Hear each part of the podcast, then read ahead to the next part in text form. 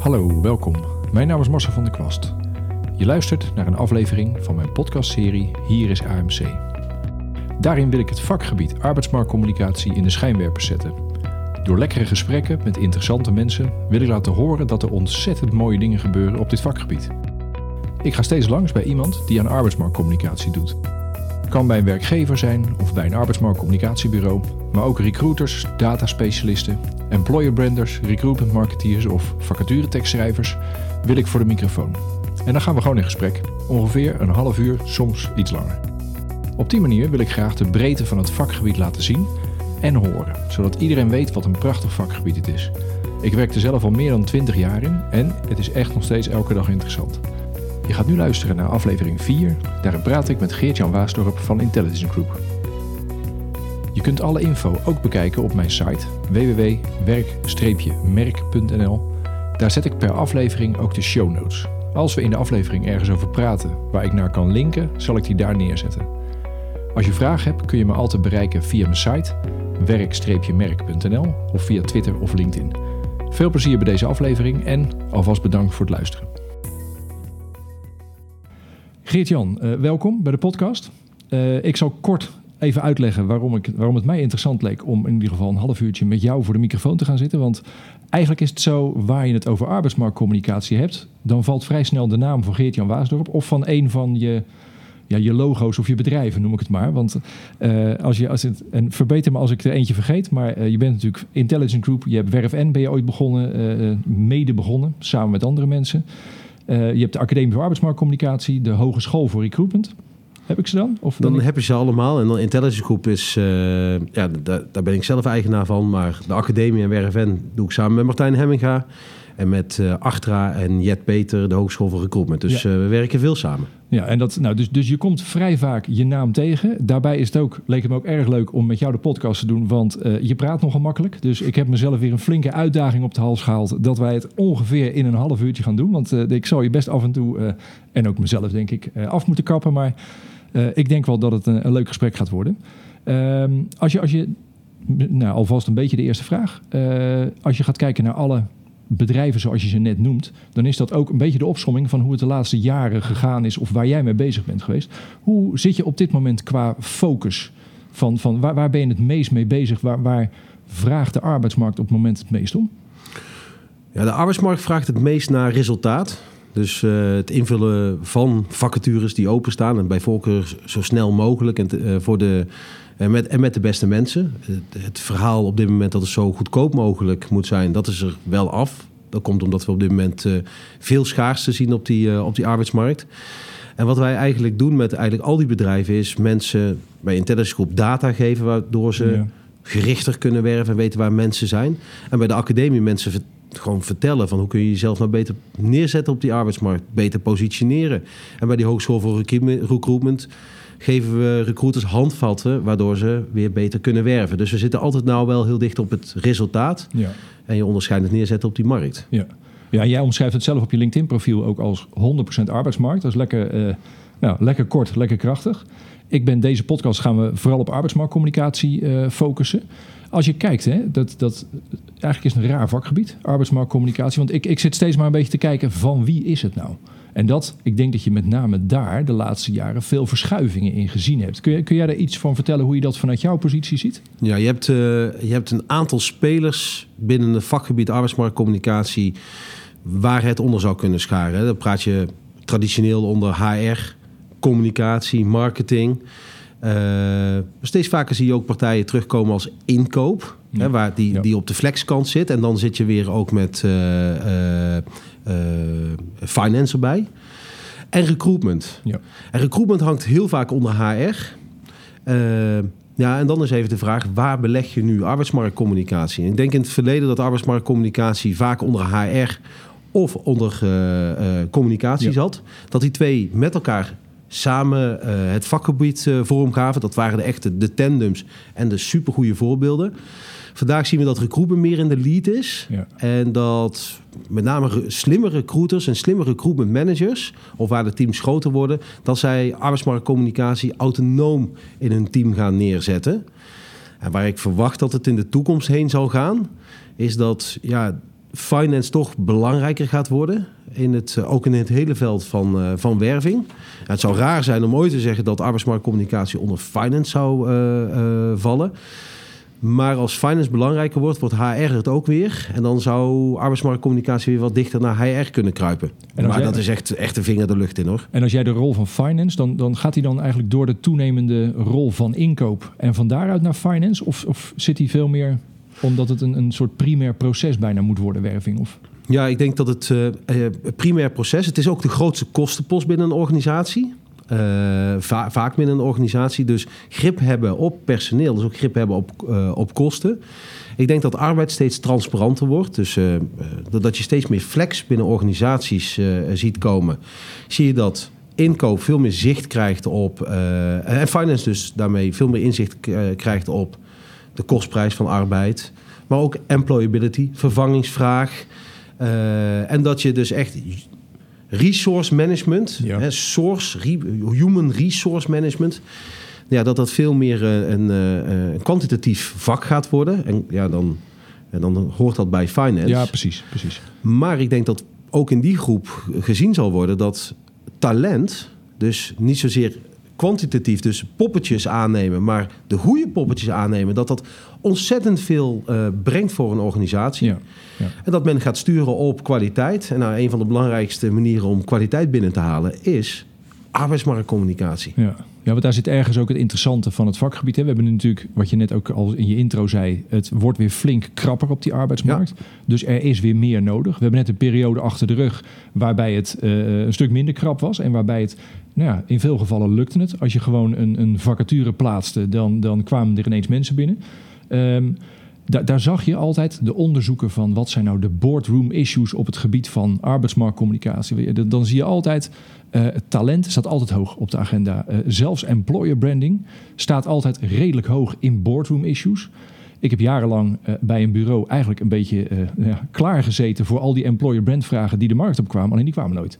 Dus daar, daar vind ik altijd interessant te zitten, zoals jij het ook een beetje omschrijft, via de finance, eigenlijk de business case van werving ja, die zie ik wel gebeuren. Ik ben alleen wel benieuwd als het belangrijker gevonden wordt binnen een organisatie om het zo dichterbij te halen.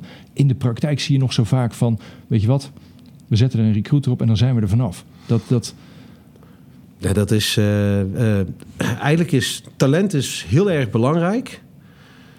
Met name op het moment dat, je, dat het eraan ontbreekt. Ja. Dus het is pas een issue als het echt pijn doet.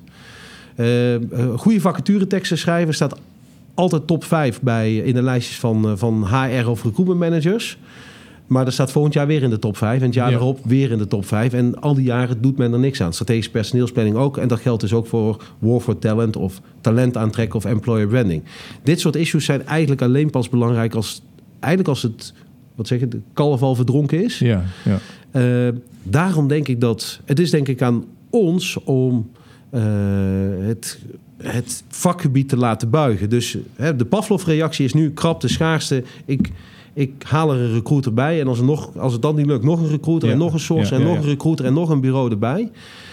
Ja, en, en, en, als het probleem is opgelost, dan schalen we weer af. Dus we zijn eigenlijk nooit echt bezig met het, uh, met het probleem. En dat is wel een, uh, iets voor ons om daaraan te werken. Ik denk als wij kunnen laten zien dat wij in staat zijn om betere mensen aan te trekken door arbeidsmarktcommunicatie, door employer branding, door betere vacatureteksten. En dat je daardoor een bijdrage levert, levert aan de winstgevendheid van de organisatie. En dus ziet, ja. letterlijk ja. laat zien dat je bijdraagt aan de continuïteit. Dan pas worden we echt een boardroom issue. Dan Precies. is het niet window dressing, we hebben het erover en we doen er niks mee.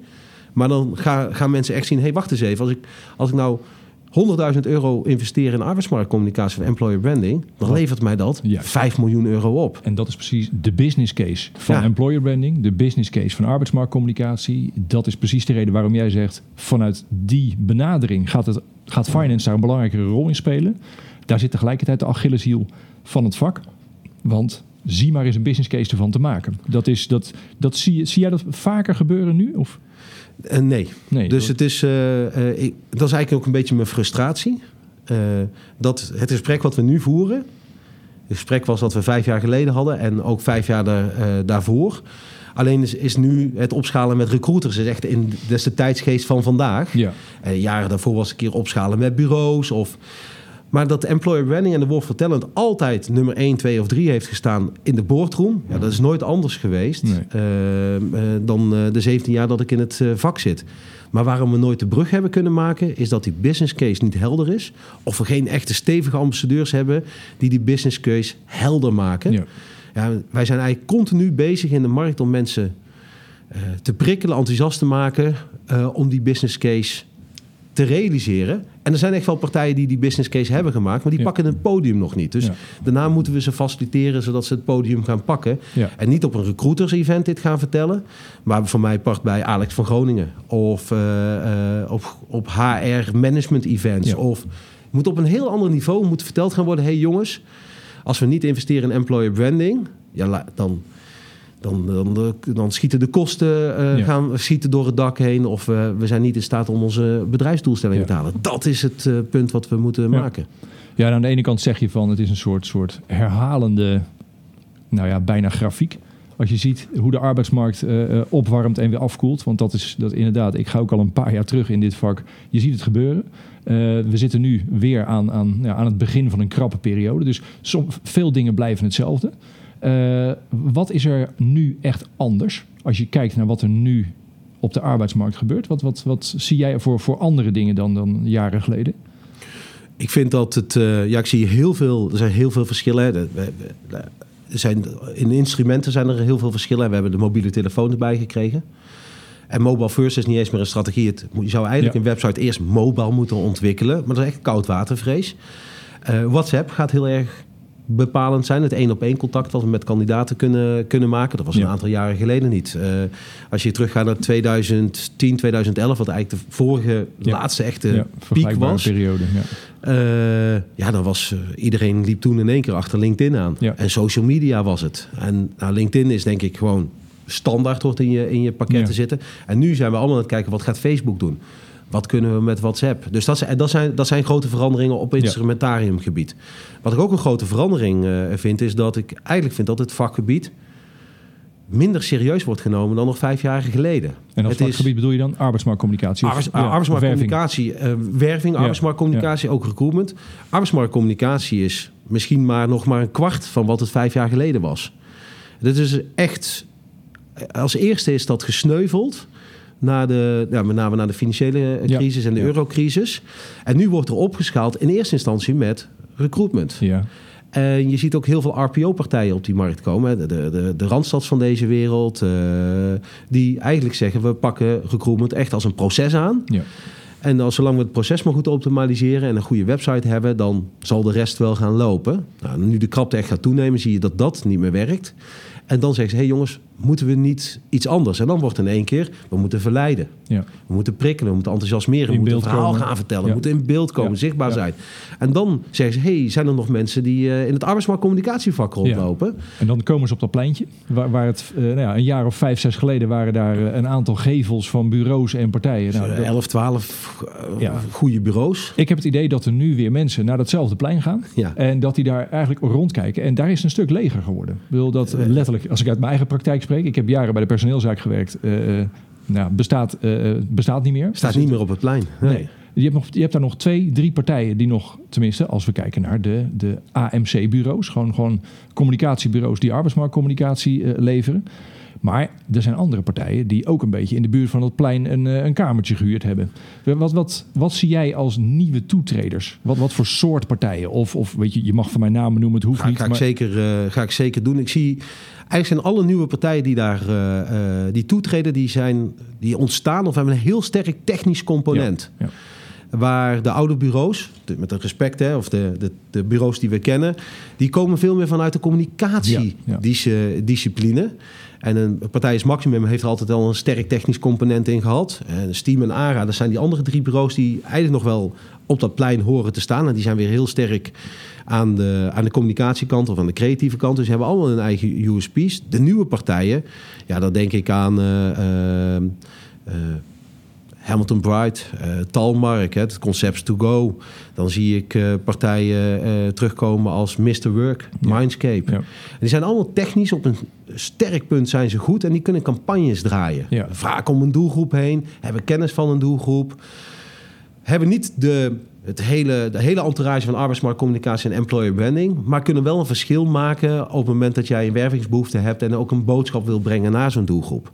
En dan heb je ook nog een tweede groep die erachter zit. Die zijn nog tactischer. Denk ik bijvoorbeeld aan een Adver of een Vonk of een Brokmeijer. Ja, ja. dat zijn veel, maar die, die handelen veel meer ook op vacatureniveau. Ja. En al deze partijen hebben, uh, die zijn goed in eerste instantie in een stukje techniek. Doelgroepkennis, connectie maken met de doelgroep. Of het beheersen van een bepaald uh, mediumtype. ja. En stoppen, stoppen daar een stukje communicatie bij. Of branding of content. Ja, en, en van, vanuit daar zie je ook je beweging. En ergens is die logisch, hè? Want, want ik probeer de wereld ook altijd voor mezelf in twee kampen te verdelen. Dat denkt lekker makkelijk. Um, en dat is ook heel modern tegenwoordig, heb ik begrepen, als ik kort op tv ja. kijk. Um, maar ik, ik vind als je recruiters neemt, dat zijn echte, uh, dat zijn in principe procesmensen. Want een recruitmentproces inrichten, dat is het belangrijkste wat je als bedrijf moet doen. Anders kan je niemand aannemen. En vanuit dat proces gaan, er, gaan ze meer dingen erbij halen. En dan komen inderdaad de partijen zoals jij ze omschrijft, vanuit iets in dat proces waar ze heel goed in zijn. Of wat heel slim is en wat iets toevoegt aan dat proces. Van daaruit zie je dat steeds, nou ja, noem het maar, slimmer kunnen werven.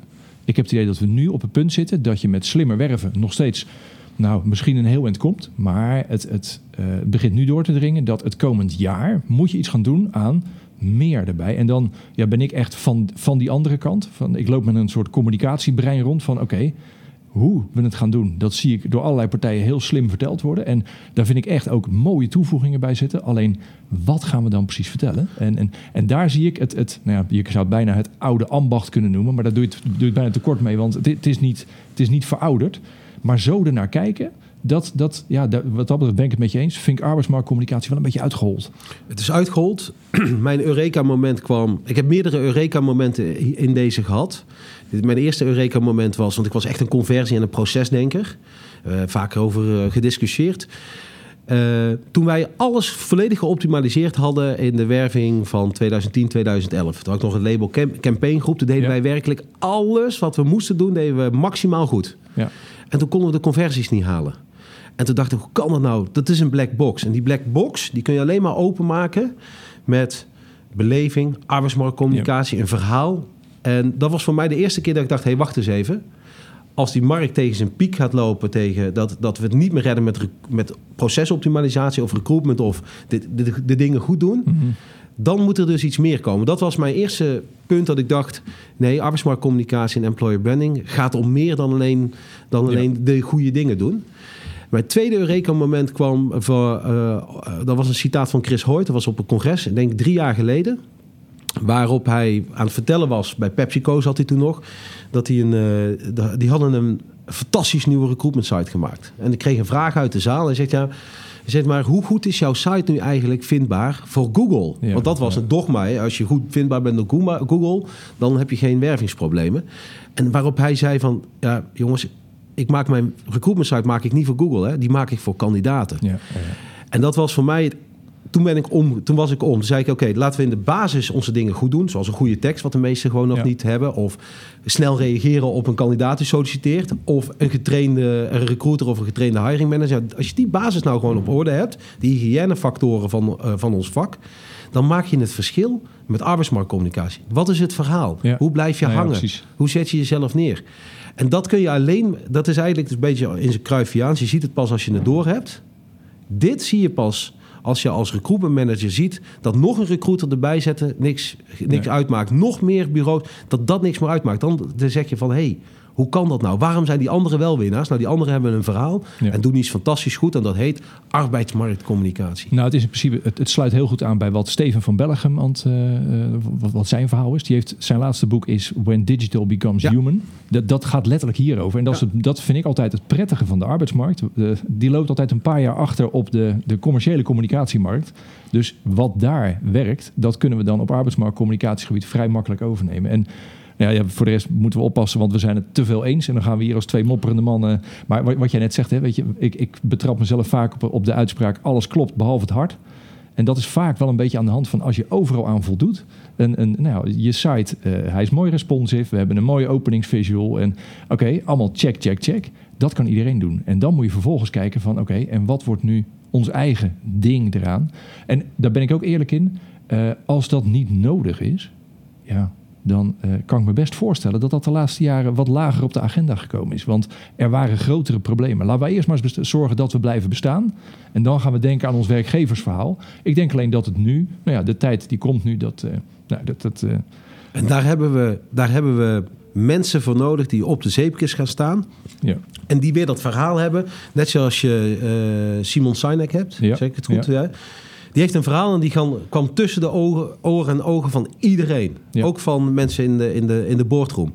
Dat verhaal hebben wij nodig op gebied van arbeidsmarktcommunicatie en employer branding. En je zegt van, joh, maar hoezo ga jij uh, alleen maar sturen op kosten? Een hire van 800 euro? Ja. 800 euro voor een hire? Uh, en dan zei Steve Jobs, het maakt mij niet uit wat ik moet doen om die mensen binnen te halen. En het maakt me ook niet uit wat het kost talent is onbetaalbaar. Want, kijk maar wat het oplevert. Kijk maar wat het oplevert. Het is onbetaalbaar. Nou, het interessante dat is moet je wel zien. En aan de ene kant is het wat jij zegt: iemand moet op de zeepkist klimmen en uh, boardrooms en dergelijke gaan overtuigen. Ik denk dat er ook één ander ding zit, en dat is waar we het net over hadden bij die business case. Ik denk dat wat mensen vanuit arbeidsmarktcommunicatie moeten doen, is ook recruiters opzoeken, blijven opzoeken en heel cijfermatig duidelijk maken wat ze kunnen toevoegen aan een recruiter. Want dat is natuurlijk waar wij de laatste jaren bij Werken voor Nederland mee bezig zijn geweest. Maak het zo klein mogelijk om die recruiter te winnen. Of denk je dat de slag in de boardroom gemaakt moet worden en niet bij de recruiters? Nee, de slag in de boardroom, uh, dat, dat, is voor, dat gaan we nooit redden. De, dat, die boardroom, dat is, een, uh, dat is een vesting. De boardroom kan alleen overtuigd worden door boardmembers en mensen die uh, vanuit die hoek komen. Dat gaat HR nooit doen, want die worden niet serieus genoeg genomen. In de, en finance wel, maar ja. die zijn te blauw voor, ja, voor een mooi verhaal op gebied uh, van recruitment. Wij als arbeidsmarktcommunicatie-specialisten dat we die recruiter moeten zoeken, vind ik, vind ik heel eerlijk gezegd een uh, ja, keuze, bijna een keuze uit armoe. Want ik heb de gemiddelde recruiter niet zo hoog zitten. Dat is een gevaarlijke uitspraak, maar dat, dat, daar zit ik hier ook natuurlijk voor. De gemiddelde recruiter die ik nu ken, die houdt balletjes in de lucht, die stuurt bureaus aan. Uh, die probeert interne processen te managen, maar hij heeft eigenlijk maar heel weinig verstand van echt recruiten. Mm -hmm. Ik denk dat het vooral de recruitment managers zijn, eventueel gecombineerd met de HR-managers. Dus mensen die een eh, team hebben van een mannetje of 4, 5, 6. Daar moeten we tegenaan praten. En daar moet je eigenlijk tegen zeggen, joh, bijna het liedje van Doe maar is dit alles? Ja. Hè? Stuur je nou echt letterlijk een team aan van vijf mensen die vervolgens weer bureaus aan het aansturen zijn? Of die eigenlijk alleen maar afgeven op dat LinkedIn het niet doet? Of dat ze. Waar zit de passie en bezieling van die recruiter? En als een recruiter passie en bezieling heeft, dan stapt hij normaal gesproken al naar zijn recruitment manager toe en zegt: Wat geeft hij mij nou voor instrumenten waarmee ik moet, moet werken? Ik heb een slechte site, ik kan, geen, ik kan geen overtuigend verhaal vertellen, ondersteund met beelden of met video's. Wanneer gaat onze CEO nou eens vertellen waar wij voor staan? Geef mij eens instrumenten zodat ik die kandidaat echt kan verleiden. Als die vraag vanuit de recruiter komt, dan heb je met een professional te maken. En ik denk dat dat, nou laat ik optimistisch zijn, in drie van de vier keer komt die recruiter daar niet mee. Want die is heel technisch en weer zit, is met dat proces bezig. Ja. Die recruitment manager, daar moeten we tegenaan praten. En dan moet je bijna zeggen, is dit alles recruitment manager? Wil jij, wat is jouw legacy? En dan zie je mensen in het vakgebied, hè, uh, zoals Gabi van Beek bezig is bij Capgemini, Helene Stoevelaar bezig is bij Conclusion. Zo heb je, dit zijn recruitment managers, uh, Maarten Schouten bij Tata Steel, ik noem ze even bij naam. Dat zijn mensen die zijn verhaal aan het toevoegen en die, die zien dat arbeidsmarktcommunicatie integraal onderdeel is niet ondersteunend aan het recruitment, maar gewoon equal. Omdat het een, dat is een, een tandem die met elkaar voor synergie zorgt. En waardoor ik nu deze namen noem met jou uh, hier in deze podcast. Maar waar de rest van de markt ook over aan het praten is. Er wordt over die, uh, over die merken gesproken. Ja. En er wordt alleen maar over merken gesproken of over werkgevers gesproken. Of, er gaat nooit over het feit dat het recruitmentproces zo snel was. Of dat die recruiters zo goed waren met LinkedIn. Of omdat het een kost per hire was voor 800 euro. Boeit niemand iets. Waar het over gaat is, werk je voor een gave werkgever waar mensen het over gaan hebben. Ja. Denk aan een 3 HRM, een Sonos, een Rituals, een, een Booking, een Coolblue. dat zijn, daar praten we over de merken. Nooit over het feit dat het goed met proces zo... Het eh, efficiënte proces. Nee joh, boeit, boeit niemand. Boeit een kandidaat helemaal niks. Nee. Dus, eigenlijk, dus we praten gewoon over de verkeerde, verkeerde zaken. Ja. Oké, nou, dat, dat, ik eh, hou de tijd een beetje in de gaten. Nou, valt niet eens heel erg tegen. Dus goed, eh, eh, ik wil even een, een, een harde knip maken. Dat vind ik een beetje een eng woord, maar ik ga het toch doen. Want ik wil het met jou ook in ieder geval even over het onderwerp employer branding hebben. Want jij hebt in 2012 was het alweer? Dat, het, het, het boek samen met Martijn geschreven Ja. van het nieuwe employer brand. Eh, heb ik er nog eens bij gepakt, want ik, nou ja, ik geef er af en toe ook les over. En ehm, in het boek ha- had je toen het nieuwe versus het oude employer brand. Hadden jullie, eh, om je verhaal lekker krachtig te maken, het oude employer brand was een grote eh, glimmende toren van een, eh, van een corporate. En het nieuwe employer brand was een gezellig Nederlandse woonboerderij, zeg maar. Maar lekker een mooi tuintje eromheen, lekker op zijn Nederlands. Maar het verhaal wat je daarmee wilde houden, is het is veel bereikbaarder, kleiner en, en ja, daar- daardoor ook interessanter. Het is niet altijd groot, moeilijk, ingewikkeld. Nou, interessant en heel erg mee eens. Het is nu 2017. Is het, ben je stiekem alweer bezig met een nieuw boek samen met Martijn? Of, eh, eh, Eh, de toeval wil dat wij gisteravond de contouren van het nieuwe boek met elkaar hebben geschetst. Oh, de titel. En in juli schrijven we hem. De interviews doen we voor die tijd en ons, en ons researchwerk. En in september hopen we dat, eh, dat het, het nieuwe boek er ligt Oh, eh. Nou, voor, dat- eh, voor de studenten. Ja? Dit lijkt op een ontzettend ingestudeerd Nee, dat is het 1 niet, dat wist Neem van mij aan. Ik, Nee, ik verzin hem spontaan. Ik denk, ik zal het je eens vragen. Eh, nou, waar ik wel benieuwd naar ben, hè, als je gewoon even los van het boek, maar ehm, als je gaat kijken naar, naar het, het nieuwe, nieuwe employer brand, zeg maar. Ik hoop dat, dat jullie een andere titel gaan verzinnen, want die, die, die zou ik niet doen. Ik, zou ook, ik hoop ook niet dat je iets met 2.0 of 3.0 Nee, gaat gaat de, de, waar, de, eh, eh, de titel Het Nieuwe Employer Brand blijft overeind, maar er komt iets achter. Ja. En ga ik proberen niet te verraden aan jou. Nee, maar het zou, je eh, eh, wel aan kunnen geven van wat vind je het, het employer branden anno 2017? Eh, wat, wat voor ontwikkeling heeft dat doorgemaakt sinds dat het eh, eh, 2012? Ja, dat is eh, eh, dat, dat kleine huisje waar jij het nu over hebt. Hè? Als, als ik nu vraag aan, eh, aan zalen, zeg jongens, wat zijn nou de werkgevers waar wij het nu over hebben? Eh, als ik dat in 2012 vroeg, dan riepen ze allemaal Philips, Heineken, Ja. eh, KLM. Eh, ja. Als je dat vandaag vraagt, ik heb de merk al voor een deel langs laten, laten Ja. komen, dan praat men over, ook over merk, grote merken als een ASML. Ja. Maar dan hebben ze het over bol.com. Of dan hebben ze het over Booking. Rituals. Sonos, eh eh, Coolblue.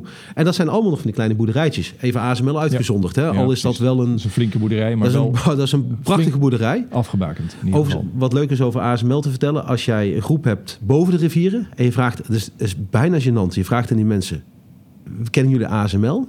Dan kijken ze echt verdwaasd aan. Hè? Een zaal van 100 man. Zitten misschien 30 man die ASML kennen. Onder, onder de rivieren in het zuiden zit je misschien op 90 man. Ja, Of 90 ja, van de ja. 100. Over, over een raar fenomeen in zo'n klein land gesproken.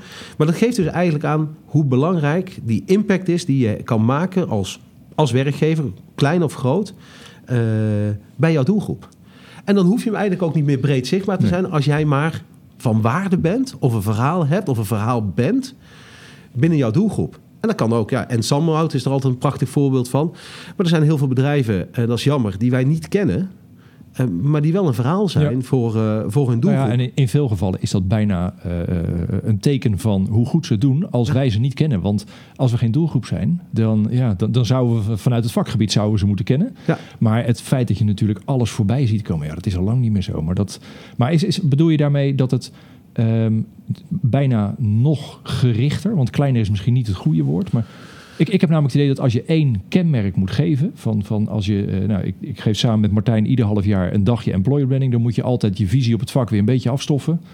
Het is echt, nou ja, alle bedrijven die jij ook noemt, het komt van binnenuit. Het, het is, de, de- mensen die er werken, die worden, eh, eh, ja, dat is je doelgroep nummer 1, 2 en 3 bij wijze van spreken. Daar, daar moet je eerst, die moet je meekrijgen. En dan is leiderschap ook heel belangrijk daarin. Leiderschap, leiderschap is echt gewoon, dat is, dat is nummer één. Ja. Goede leiders, of leiders die, op, die mensen mee kunnen nemen. Eh, en dat is duidelijk iets anders dan goede managers. Goede leiders, ja, die, die brengen een be- bedrijf in beweging. Eh, dat geldt bij, bij een Coolblue ook. Daar staat, Ja, eh, ja. staat een prachtige leider op. Die heeft een verhaal en iedereen kent hem. Vroeger moest je zijn talk of the town. En nu moet je zijn talk of, talk of your talent. En your talent is je eigen mensen. Maar die moeten ook over jouw bedrijf willen praten. Precies, ja. En het potentiële talent wil het ook over jou, eh, over jou hebben. Ik kijk even heel erg... Nou ja, laat ik Academie voor Arbeidsmarktcommunicatie eh, pakken. Eh, als wij alleen maar een berichtje eruit zouden sturen... dat we een docent nodig hebben... Ja, dan, dan, worden we over, dan krijgen we zo ontzettend veel reacties... dat we dat gewoon... Dat doen we gewoon niet meer. Want dan moeten we ook... Dat is bijna niet dat is gewoon niet te managen, omdat je al die mensen wel kent. Of die, al die mensen eh, die verdienen respect uh, uh, in, in ons vakgebied. En daar mhm. nee tegen zeggen, dat doen we niet. Dus die moeten we letterlijk vragen. ik wou dat ik die luxe al had met intelligence groep. Maar er zijn heel veel, en dat is wel mooi, er zijn heel veel mensen, ook analisten, die ons gewoon volgen. Die zien waar wij mee bezig zijn. Die hebben vaak nog niet die liefde voor die arbeidsmarkt, maar wel de liefde voor, voor data en, en waar wij hiermee, wat wij aan het opbouwen zijn. En dat maakt gewoon dat we makkelijker en beter uh, talent uit die markt kunnen halen. Wij hebben eigenlijk een heel klein schare, hele kleine schare fans om ons heen. En misschien is arbeidsmarktcommunicatie naar de toekomst toe, is wel bepaald zeg maar de mate van de hoeveelheid, de mate fans die je hebt, of de hoeveelheid fans die je hebt, hoe sterk je employer brand is. Ja, ja en dan is fans is dat dat dat is. Uh dat moet je wel relativeren op de arbeidsmarkt. Maar ik, ik, in grote lijnen ben ik het wel mee eens. Want... Mag sympathie hebben voor. Precies. En dan is het... Graag in gesprek willen komen met. Of niet als een poster uh, boven. Nee, maar die in ieder geval op, op, de, uh, op de radar hebben. Weet je wel? Dat je, dat je letterlijk. En, en dat, dat is hartstikke. Nou, dat klinkt natuurlijk lekker kleinschalig. Het is ontzettend moeilijk om te realiseren. Want ja, je moet vertellen wat je doet. Nou, dat is natuurlijk. Want, want dat is wel interessant. Hè? Want je, als je de, de bedrijven die je noemt, dat zijn toch even weer met uitzondering van ASML, uh, eh, redelijk kleine clubs. Ja. En die, die, uh, nou, die hebben allemaal het, de luxe dat ze natuurlijk een stevig verhaal hebben. Ze hebben iemand die met die vlag voorop loopt en uh, die, die mensen nog meekrijgt ook. Soms denk ik wel eens van, dat is, dat is één richting, maar je zal maar de, de nieuwe CEO of, of hoe heet die, van KPMG in Nederland zijn. En dan, oké, we gaan employer branden. Dat is een heel ander verhaal natuurlijk. Dat, dat, hoe, hoe, zie je dat gebeuren dan? Is dat, is dat, Nou, ik weet niet of je KPMG heel bewust koos, maar ik ben uh, al de laatste vijf jaar zeer kritisch geweest over KPMG. Uh, want die hebben natuurlijk toch wel een serieuze probleem gehad. A, met dat pand. En ja. B, met een aantal uh, fraudezaken en slecht in het nieuws nou, misschien is het dan, komen. Maar ik pak hem graag even okay, bij. Dat was, dat was vrij, redelijk toevallig, want ik...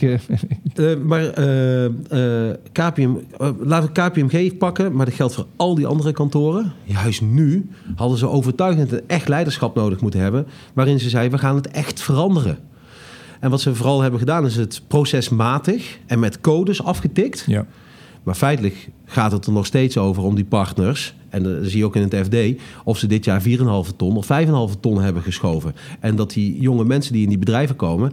die worden gewoon uitgewoond. Ik noem het gewoon letterlijk zoals het, uh, zoals het uh, is. Recruitment. Ja, dat zijn bijna, die zijn bijna angstig op het moment dat ze uh, bij een partner om budget moeten gaan vragen. Dus daar is het. Partners hebben daar echt, zijn echt niet met die cultuurverandering nee. bezig. We hebben net de analyse gemaakt over al die vacatureteksten. En KPMG kwam daar uit als degene die de meest masculine vacatureteksten van allemaal schreef. Uh, dat betekent dat ze het meeste hebben over auto van de zaak, laptop, uh, uh, geld. Ja, dat trekt dus mannen aan. Ja. Waar ben je dan bezig met je, met je cultuuromslag? Daar zijn ze gewoon niet mee bezig. Daar zit geen leiderschap op die bezig is om het werkgeversmerk te veranderen. Nou, het lastige is dat op het moment dat leiderschap erbij komt, en dat bij employer branding kan je er niet omheen, wordt de discussie bijna altijd wel een stuk waziger, vind ik. Want dan, dan ga je ineens weer, dan kom je in het, als je niet oppast, in het coachingstraject terecht en, en leiderschapstrajecten. En dan wordt het nog weer, dan gaat het bijna weer terug naar groot en ingewikkeld. En dat vind ik zo zonde als het. Uh, als het om employer branding gaat, want dat kan juist ook zo lekker klein. Laat ik, hem, laat ik een mooi voorbeeld pakken, want ik was een beetje zurig over KPMG. Maar ik vind het eigenlijk is een soort van eeuwig gemiste kans dat, ze dat, dat Jan Homme dat niet heeft veranderd toen hij daar, uh, toen hij daar zat. Maar laten we nou eens kijken naar PostNL. Ja. Uh, ik ben even de naam de dame die daar eh, de, uh, het boegbeeld is. Ja, dat is, een, dat is een leider die van ja, die, die nou PostNL echt naar voren aan het, uh, aan het uh, brengen is. Met een goed verhaal, met een, uh, ze zit dicht op de werkvloer, ze veranderen. Dat is denk ik een bedrijf waar, ondanks die enorme verandering die ze door moeten maken met die postbodes, toch nog steeds ja. een trotse uitstraling nou ja, kan realiseren. Dus het kan in dat soort bedrijven Een ander voorbeeld vind ik ING. Wat je eh, binnen de bankenwereld natuurlijk ook, waar, waar ze allemaal een klein beetje stil blijven zitten en hopen dat het overwaait. Even uh, die samenvatting is voor mijn rekening. Maar bij ING heb ik als enige het idee dat er echt iets aan het gebeuren is. Zeker of het helemaal klopt en of ze er al helemaal zijn, dat geloof ik niet. Maar dat zeggen ze er ook eerlijk bij. We zijn, we zijn bezig, we doen ons best. Nou, dat vind ik voor, voor een bank en jongens, we zijn, geen, we zijn niet meer een bank zoals je ons kent. Nee, precies. Maar we zijn meer een IT-bedrijf aan het uh, ja. worden. Agile werken.